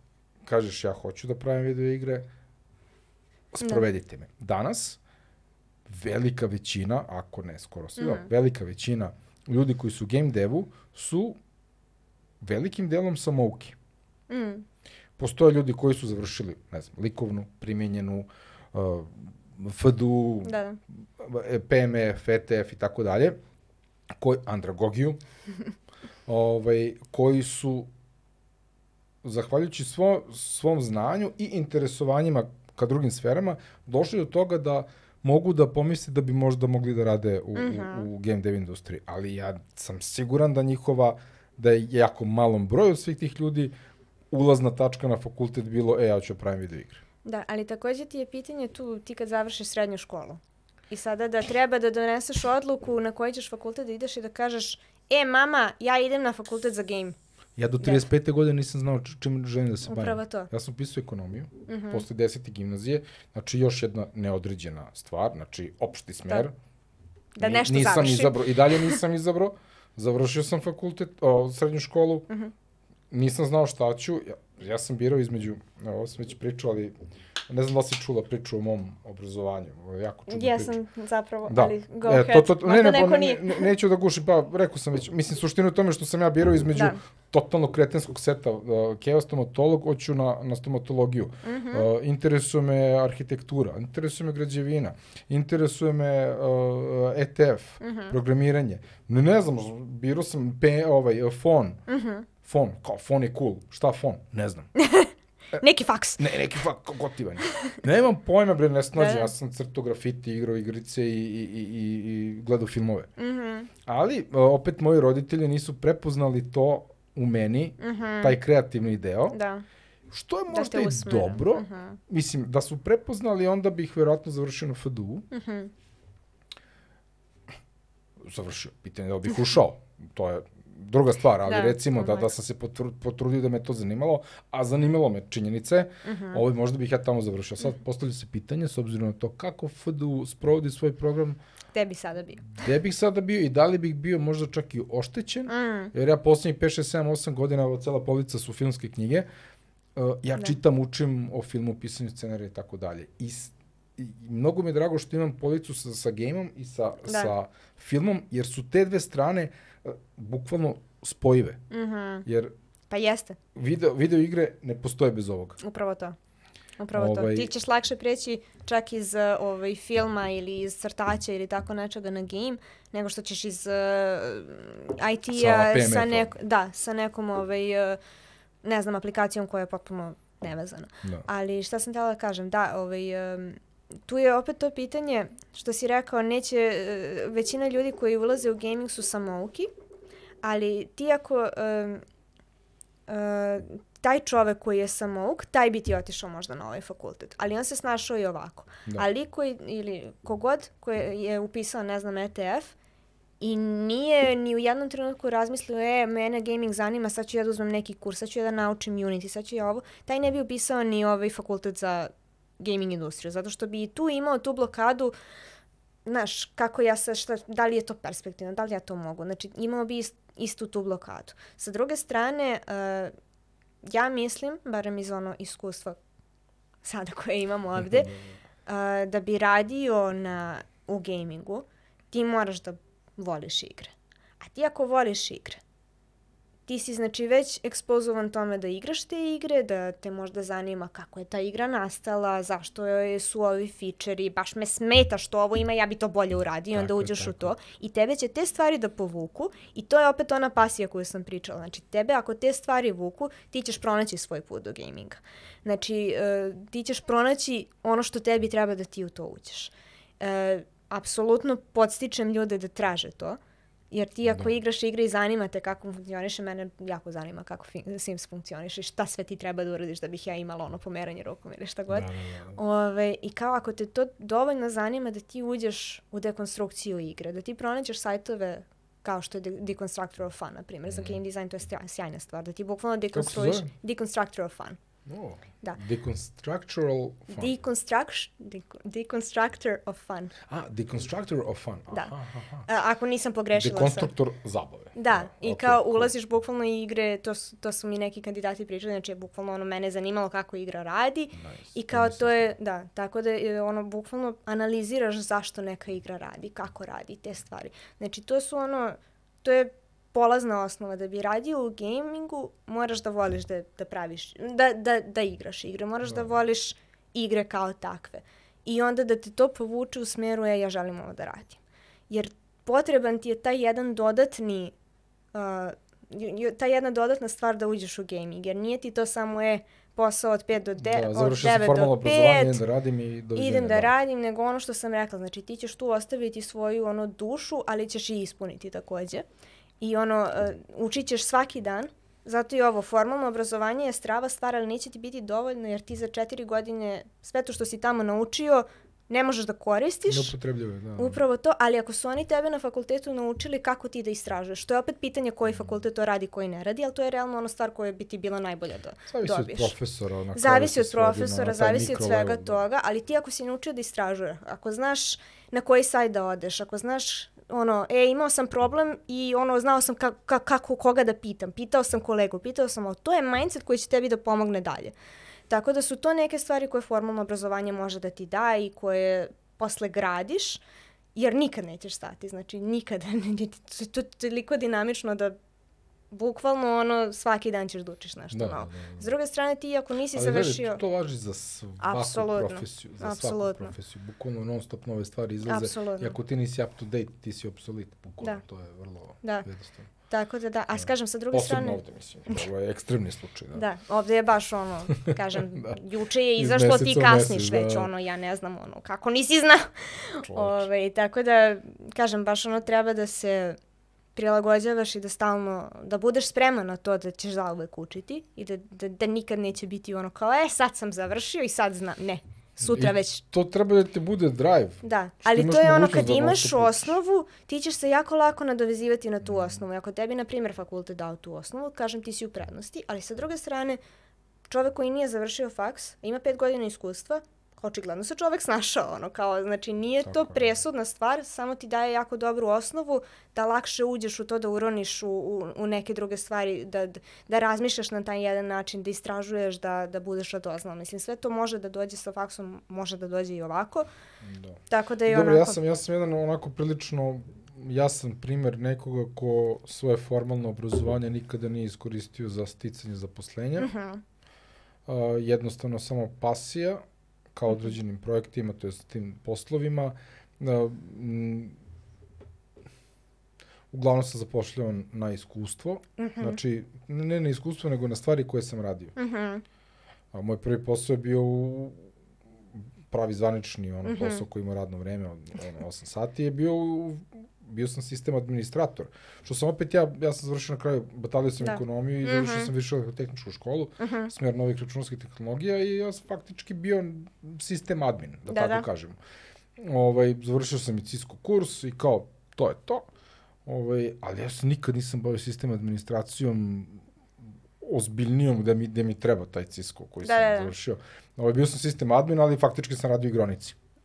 Internet kafe i igronica, Da, da. bio sam kasirka. Ono. Da. Ovaj, Ali eto, opet si ušao, da. znači, u internet kafe, znači, opet te je uvukla ta neka... Jeste, jeste, otišao sam u, ka Upravo to je sve, ali gledaj, e, razgovor za posao je tekao a, tako što a, su mi prvo pitanje, Mhm. prvo pitanje je bilo da li igraš igre. ja sam bio fazon, po, Ka- Kakav je ovo intervju?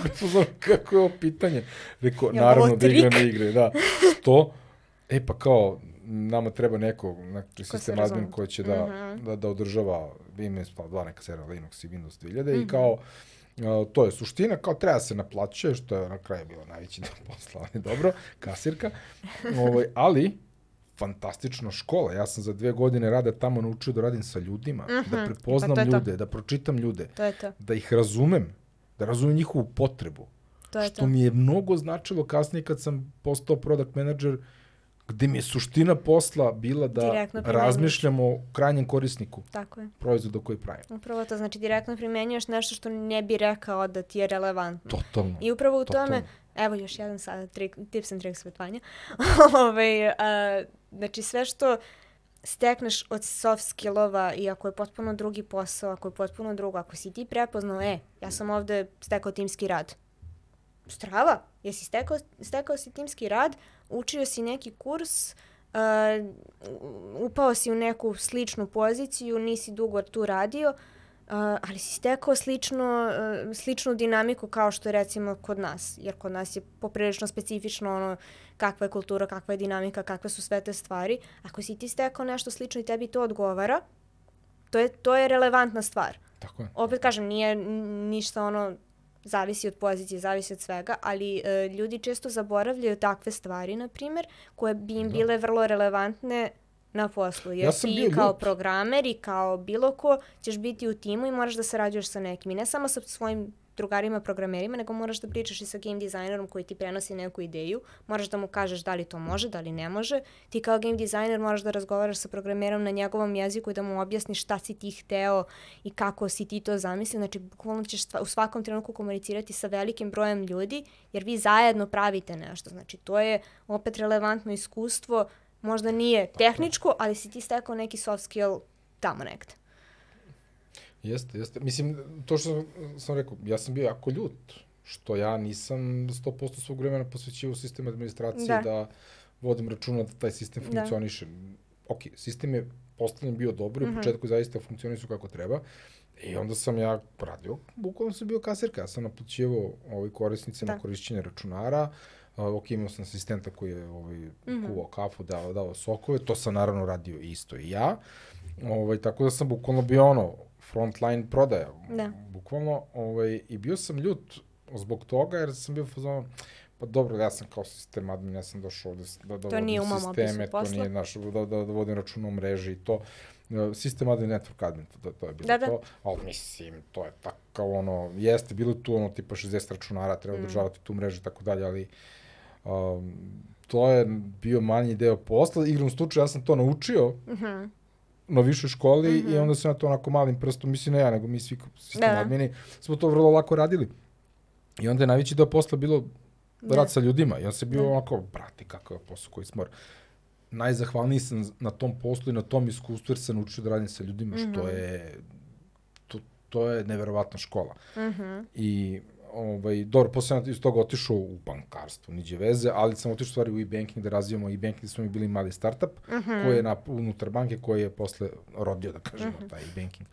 Ovaj, i, um, ali eto, i na kraju sam završio u telekomunikacijama, gde sam bio da kažem, product manager, da, mislim jesam, nego drugačiji project manager sam faktički Mhm. bio, ovaj, gde sam opet vodio, ja celu svoju karijeru u stvari radim na razvoju digitalnih proizvoda. Da. I u momentu kad sam shvatio u, u 35. godini, sa x godina iskustva, više od 10 godina iskustva, a, profesionalnog, da ja želim stvari da se bavim filmom, onda sam bio fuzon čoček, ja sam izgubio ono 10-11 godina života radeći nešto što ja u stvari ne želim. Ali nije tako. Upravo to. Nije tako, zato što to iskustvo koje sam ja stekao radeći u velikim sistemima, mm. -hmm. malim firmama, u, u startupima i tako dalje, me toliko mi je dalo širinu Mhm. razumevanja što biznis procesa, što Mhm. rada sa timom, zajedničkog rada i tako dalje, da ne želim ni jedan, ni jedan sekund toga. Jeste da nisam radio na film koji, koji sam hteo, ali opet možda nisam ni trebao da radim. Mm. Ne znam. A i ne znaš šta će sutra da se desi, Tako je, tako, tako da, je, tako je, bukvalno tako ono, Ovaj, tako da, eto, mislim da putevi su onako sve stvar pasije onoga što te što te zanima Upravo generalno to. i mladi ljudi realno imaju izbor i trebaju da shvate da ga imaju. To je Mhm. samo, znači nije, da. iako su nesnađeni i ako nemaju sad ideju, doći Da. će. Doći će do toga. Eto, možda dođu u 35. možda dođu ono u 50. ali doći će u nekom Da. trenutku. Ti I si ovo što došla si jako rekao- brzo. Da. Ti si došla jako Ali brzo. opet, ni ja ne znam šta će meni dalje da se ove, Tako je, dešava. Ja tako mogu je. da odem u potpuno drugu stvar. Ono, meni je ovde sad strava, ali nikad ne znaš ono gde će te put Tako je. dalje odvesti. Tako da, ove, i to što si rekao ja, je jako bitna stvar da se ne osjećaš kao da si gubio vreme, jer iz svog tog iskustva to, to je ono što te dovelo u ovu tačku ovde. Znači ti da nisi imao sve ovo iskustvo, da nisi prošao sve, da kažem i nešto što si smatrao da je greška i nešto što, što ono, si smatrao da je nebitno, to je ono što te dovelo ovde i možda možeš da ga iskoristiš na neki kreativniji, inovativniji način od nekoga ko je dobio, da kažem, to formalno obrazovanje ili ko je baš pripremljen za to, ti ćeš možda doneti nešto potpuno drugačije, što ne znači ni da je i jedan i drugi pristup pogrešan, obe osobe će doneti nešto što može da bude Tako sjajno, samo će doneti iz nekih drugih perspektiva i to je ono što je najlepše u stvari. Ti radiš sa gomilom ljudi koji imaju različite iskustva i to je i u gamingu, na primjer, zanimljivo, ovaj, što ono, mogu je da ti dođe čovek, ono, ne znam, sa crtaća, sa filma, sa, iz IT kompanije, iz nečeg potpuno levog, što je ono, ne znam, ja sam mogla da radim HR u, ne znam, potpuno nekoj drugoj industriji, mogla sam da dođem iz healthcare-a ovde i da budem u fazonu, e, čao. Tako, je, Tako, je, da, tako ono, baš skupiš Pa gomilu. muzejski studio, bio mi Ivan Stikić, njih dvojica su ljudi slikari, E. sa likovne. Upravo to. Mislim, znaš, oni Da. su otišli. I Igor Simić, on je čovjek sa FDU-a, filmađija, da kažemo tako, mm -hmm. čovjek je završio filozofski fakultet, znači on ima taj, Da. tu dubinu tog filozofskog pristupa filmu, on pravi čovjek igre, jer je shvatio da to može da. da, napravi, napraviti film Da. malo skupo i teško i niko neće da pare za to, za igre hoće. Eh, da. Da, tako da ovaj... Igre su malo više instant. Jeste, jeste, jeste. pa zavisi šta praviš, on, Jeste, to je isto da. ono. O, e sad, o, ja isto, pošto ja nikad nisam imao sreću da radim u, u game devu, Još. iako sam pokušavao nekoliko puta još, da, ovaj, odlučio sam da prvo napravim svoju igru. I sad, da, i pošto nikako jako je teško snimiti film, imam neke Mhm. ideje za neke scenarije, čak hoću neku knjigu da napišem, mm -hmm.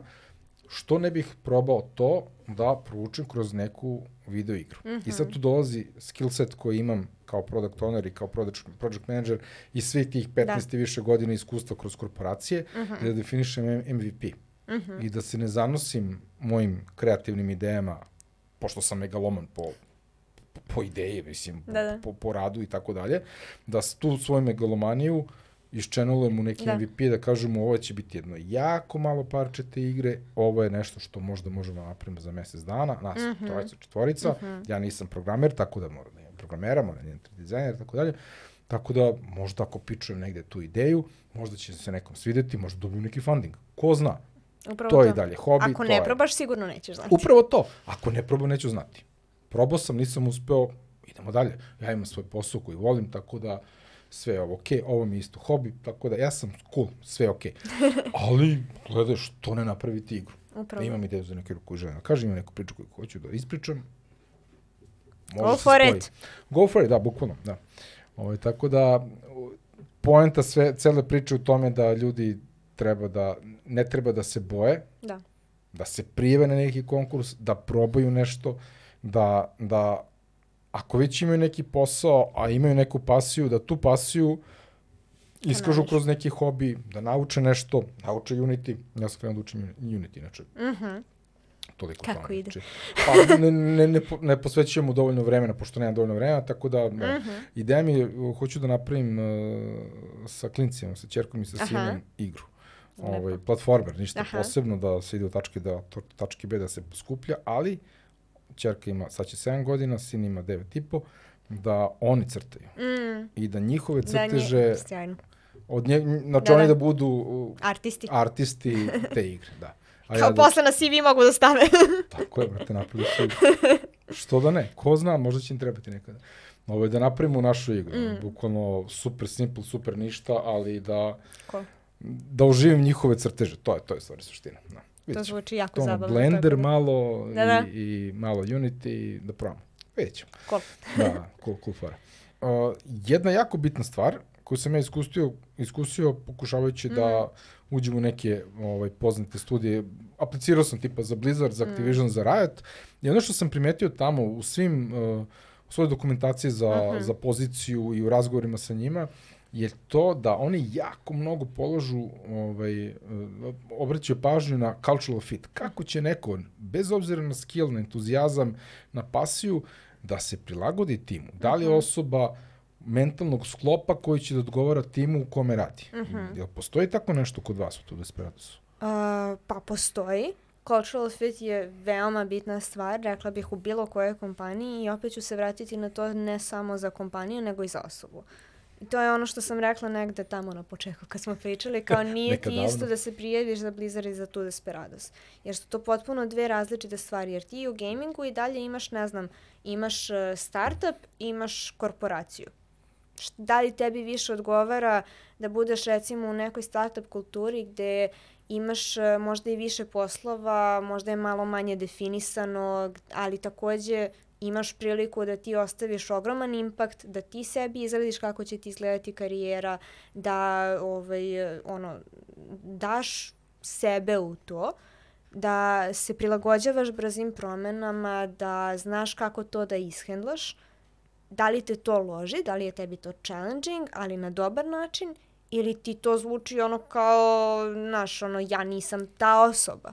Da li tebi više odgovara, a i dalje si u gamingu, znači da, Da. se razumemo, da li tebi više odgovara da imaš ono opis posla koji ono ti radiš na ovom delu, uh, tvoje radno vreme je ovo, ovo je tvoj zadatak, ako imaš ideju za promenu kao, znaš, ono, imamo četiri sloja ono koje moraju da prođu kroz tu odluku i dok ti donesem odluku više ti neće biti relevantno, Da. ali da li je to, št- to ono što tebe loži? Ako tebe loži da ti imaš onu neku mirniju priču i dalje da radiš na igri, da ne znam, ovaj, imaš veliki tim, da imaš ne znam, career path koji je već predodređen, znaš tačno kako će sve stvari da izgledaju, onda je za tebe više neka korporativna struktura i Da. tebi ne bi odgovaralo da dođeš u tu Desperados ili u neki startup gde je sve dosta haotičnije, dinamičnije, brže, odluke se dolaz, donose ono u jednom danu, e, mnogo je više tog prostora da ti, nije samo prostor kao da ti možeš da daš svoj impact, nego se to negde i očekuje od tebe. Znači ti Da, da, da, treba da dođeš sa tim mindsetom,